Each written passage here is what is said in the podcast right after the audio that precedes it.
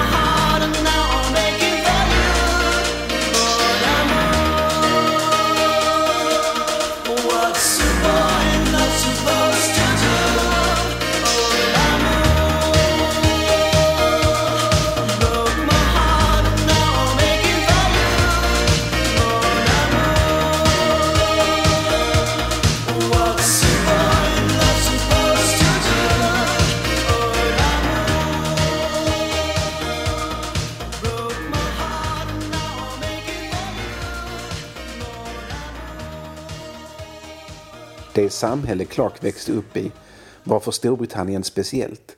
Ja, det var 70-tal. Ja, det var såklart regn och elände och Benny Hill ansågs som höjden av intellektuell underhållning. Men Clark växte upp i Basildon och Basildon var liksom stereotypen av brittisk arbetarstad. Några mil från London men ändå kändes den lysande staden med sin växande punkscen så oändligt avlägsen. I Basildon lyssnade man fortfarande på Zeppelin och man var tuff 1976. Sin tröst i denna engelska misär och av elände finner Clark i mammas popskivor från tidigt 60-tal.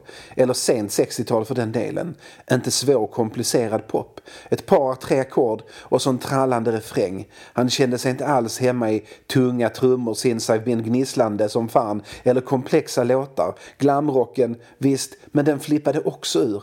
Blev konstnärlig och jävlig. Var fanns poppen i Basildon? Han träffade en likasinnad, Dave Fletcher, som senare kommer att bli älskad under smeknamnet Fletch av miljoner och så startar de en poporkester, gitarr och bas. Mycket kan man säga om Fletch men musikalisk är inte en av de sakerna. Men Clark märker tidigt att Fletch plockar fram det bästa ur honom. Vågar säga när en låt är dålig och när en låt är bra. För det var mest det de gjorde, skrev låtar. För inte fan vågade de som 15-åringar uppträda någonstans med glad pop i depressionens Basildon. Ändå. Många av de låtar som blev Depeche Modes första låtar skrevs under de där åren, mestadels på Clarks gitarr. När 70-talets slut närmar sig börjar Clark höra de där nya mer elektroniska banden på radio. Tänker att så mycket man kan göra med maskiner, trummor till exempel. Vem behöver egentligen ha med något långhårigt as som bara vill spela When the Levy Breaks hela tiden när det enda som behövs är en glad 808 som spelar bastrumma och handklapp i takt utan tramsiga fills eller fåniga trioler. Så det är bara att börja spara. Basildon ja. Man kan säga att det är känt för tre saker. Depeche Mode givetvis, men också för nästan lika briljanta Alison Moyet som gick i samma skola som Vince Clark även om de inte umgicks alls, men deras vägar skulle korsas senare på ett fullständigt makalöst sätt. Men kanske viktigast av allt, om man inte som jag tycker att popmusik är det viktigaste av allt, är att det var här det svängde. Det var här arbetarklassen först började ansluta sig till thatcherismen. Av någon anledning svängde man i Basildon. Kanske för att man var trött på regn, elände, växande arbetslöshet, hopplöshet och fackföreningar. Känslan i Basildon var i alla fall att Känslan i Basildon var i alla fall att om vi ändå inte kan fixa det här gemensamt, och med gemensamt menar jag stat och kommun och fack, så får vi väl fixa det här var och en för oss själva. Den sammanhållning som ändå varit Basildons grej slet sönder på några år, på gott och ont. Vi måste ändå stanna en stund med Margaret Thatcher. För förutom Jesus så finns det knappast någon person som betytt mer för brittisk musiks utveckling än Margaret Thatcher. Hon vann, mycket tack vare de där första tidiga framgångarna i Basildon, premiärministerposten 1979. Hon slösade inte en sekund vid makten innan hon började genomföra sina reformer. Reformer hon gått till val på och som väljarna därför med all tydlighet ställt sig bakom. Och det delade landet. Thatcherismen är en form av libertarianism, nyliberalism som vi brukar lite slarvigt säga i Sverige. Och i Storbritannien yttrade den sig i att allt som kunde privatiseras privatiserades, utom sjukvården, för det vågade hon inte. Bidragssystemen minimerades, men också subventioner till jordbruk och liknande. Staten skulle bli så liten som bara möjligt. Fackföreningarna är det som förutom de nordiska länderna var fackföreningarnas starkaste fäste, skulle krossas. Och det kan man såklart tycka vad som helst om. Men självklart påverkar detta också musiken. I södra England ökade produktiviteten och överflödet och företagandet och arbetslösheten gick ner. Landsändan, inklusive huvudstaden, fylldes med hopp och det speglades i den musik som växte fram där. New Romantic-vågen är en typisk sydbrittisk företeelse. Gary Newman som vi tidigare pratat om och som gav oss fantastiska av Friends Electric och Cars gick så långt att han till och med öppet stödde Thatcher, något som man senare spekulerat i om det kanske sabbade hans fortsatta karriär. I norra England och Skottland lades gruvorna ner. Varven lades ner. Även om man ville skylla det på Thatcher var det såklart inte hennes fel. Men de skyddsnät som tidigare funnits där för de arbetslösa fanns inte där längre. Så popbanden blev argare och mer politiska. Och, väldigt grovt draget såklart, kan man nästan höra på en sångtext varifrån ett band under Thatchers tid kom ifrån. Mestadels politiska texter, norr, opolitiska texter söder. Men även så kallat opolitiska texter är såklart politiska i just det att de inte tar upp sådant som berör hälften av befolkningen. Men plötsligt fanns det utrymme för personer som stack ut även i Basildon. Som vågade och lyckades och misslyckades. Och det som började som en rörelse bland de vuxna spred sig till ungdomarna. Men det som hände i Basildon bedöms vara thatcherismens genombrott i de traditionellt Labour-röstande distrikten. Det som Labour räknade som självklara röster, man brydde sig inte ens om att kampanja här, var det inte längre. Basildon förändrades, England förändrades. Basildon missade punkrörelsen men anammade dess efterföljare och här passade plötsligt Vince Clarks tanke om att kvällsunderhållning inte nödvändigtvis måste vara långhåriga typer med gitarrer utan lika gärna kunde vara fyra korthåriga människor med varsin liten jättebillig synt som spelade dansbar treackordspop betydligt bättre in. Clark själv uttalar sig sällan politiskt, om det inte har med lika grundläggande rättigheter för människor att göra. Men när sångaren i Depeche Mode, Dave Gahan, många år senare i direktsänd TV fick höra att någon sagt att Depeche var högerns musik konstaterade han att well, He's a cunt and so's the right. Oavsett så sammanföll Depeche Modes första tid med Thatchers tid väldigt väl i Basildon, för det var där det svängde för dem båda. Och det där sagolika mötet mellan Clark och Alison Moyer jag pratade om. Clarks producent Daniel Miller tyckte att efter att Clark helt överraskande lämnat Depeche Mode precis efter de slagit igenom att han väl ändå borde väl fortsätta lite grann med musiken. Här har du en sångerska. De kände igen varandra från skolan, hälsade. Clark plockade fram en låt, troligen från de där första åren när han skrev låtar som Fletch antingen gillade eller ogillade och som han påstår att Depeche Mode sagt nej till, något som de till denna dag förnekar. Och hon sätter den på första tagningen. Och vilken jävla tagning sen.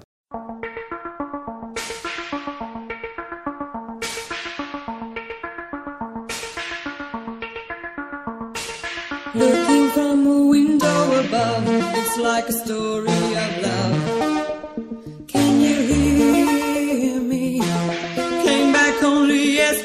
day, moving fast.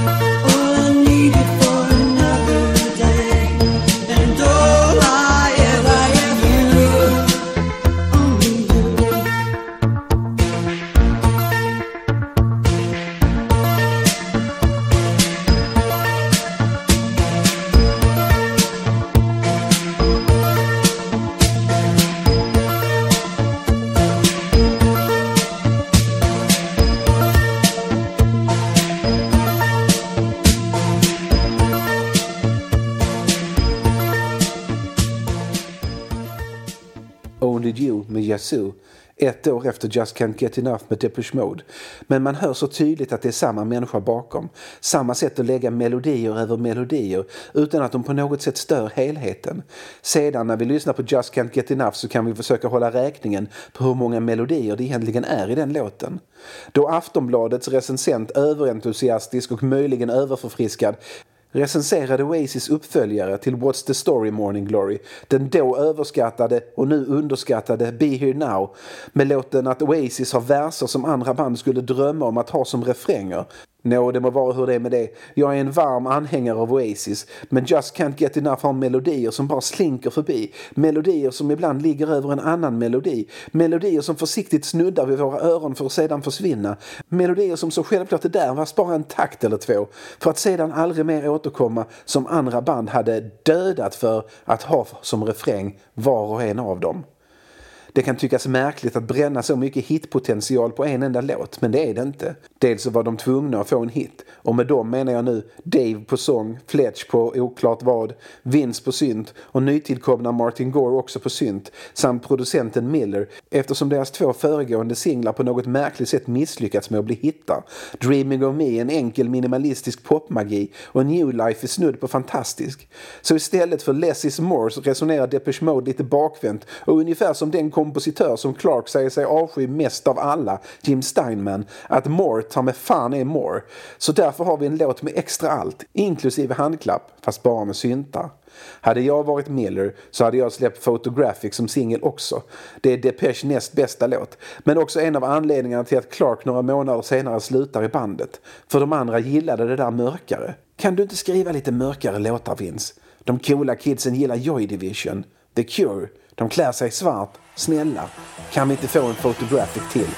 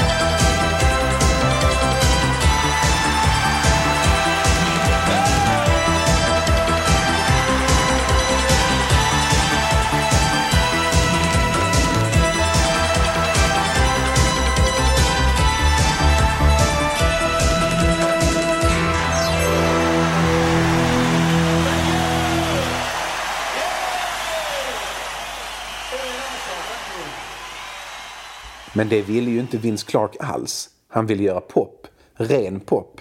Som den pop han tröstat sig med så många gånger när han var barn och som han visste skulle kunna ge så mycket glädje till andra. Låt Orchestral Maneuvers in the Dark vara doom and gloom. Depeche Mode blir en otrolig succé i Storbritannien och i Europa. Alla vill ha dem överallt. TV och intervjuer och radio och lilla Mute Records som nästan bildats bara för att ge Depeche Mode och annan syntpop ett skivbolag hade satsat så mycket på Depeche debutskiva Speak and Spell att de nästan gått i konkurs. Vill såklart få tillbaka sina pengar och mer. Så varje dag bär det iväg för att sälja skivor och det går så otroligt bra. Men ingen i bandet är direkt bekväm framför kamerorna. Inte än. Det skulle vara Martin då, som gör sitt bästa för att förklara Vince Clarks musik. Men när det här blir varje dag, göra reklam på dagen, spela på natten, så finns det inte tid till att skriva de där poplåtarna Clark vill skriva. Man skriver uselt när man är utmattad. Uselt. Man skriver ännu sämre när det inte finns tid att plocka fram gitarren. Clark skrev fortfarande främst på gitarr och gör det oftare än inte nu också. Det blir för mycket.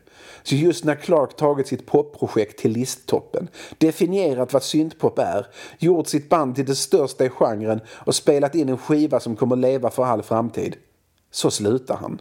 Ledsen grabbar, det blir inte mer. That's all folks. Men så blev det ju inte. Depeche fortsatte som trio och sedan under sina bästa år som kvartett och gjorde musik fantastisk den också, men på ett annat sätt. Och de håller väl på än. Och Clark fortsatte också, fast i mer undanskymda roller. Först Yazoo som gjorde två strålande skivor och sedan en singel, fantastisk såklart, med The Assembly och så mestadels med Erasure. Alltid trendkänsliga men alltid fantastiska. Han har till och med återförenats med Martin Gore för det kortlivade projektet VCMG. Och bra ju det. För det är ju så med Vince Clarks musik. You just can't get enough.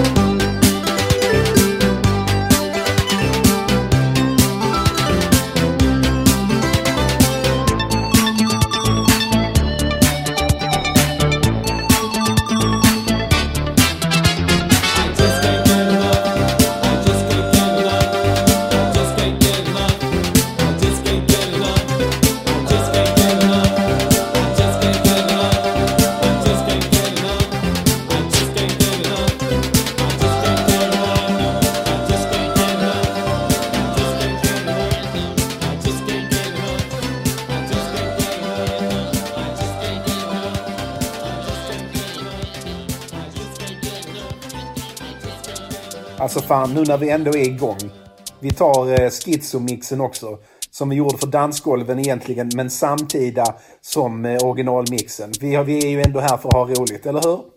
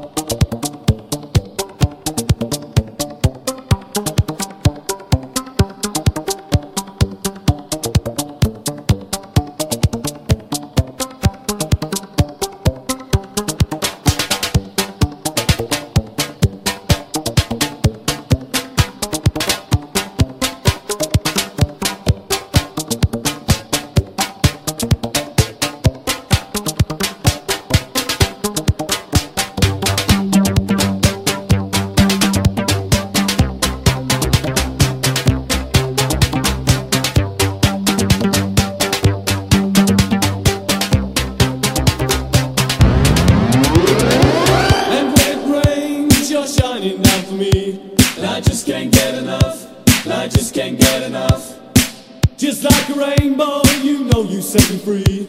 And I just can't get enough, and I just can't get enough. You're like an angel and you give me your love, and I just can't seem to.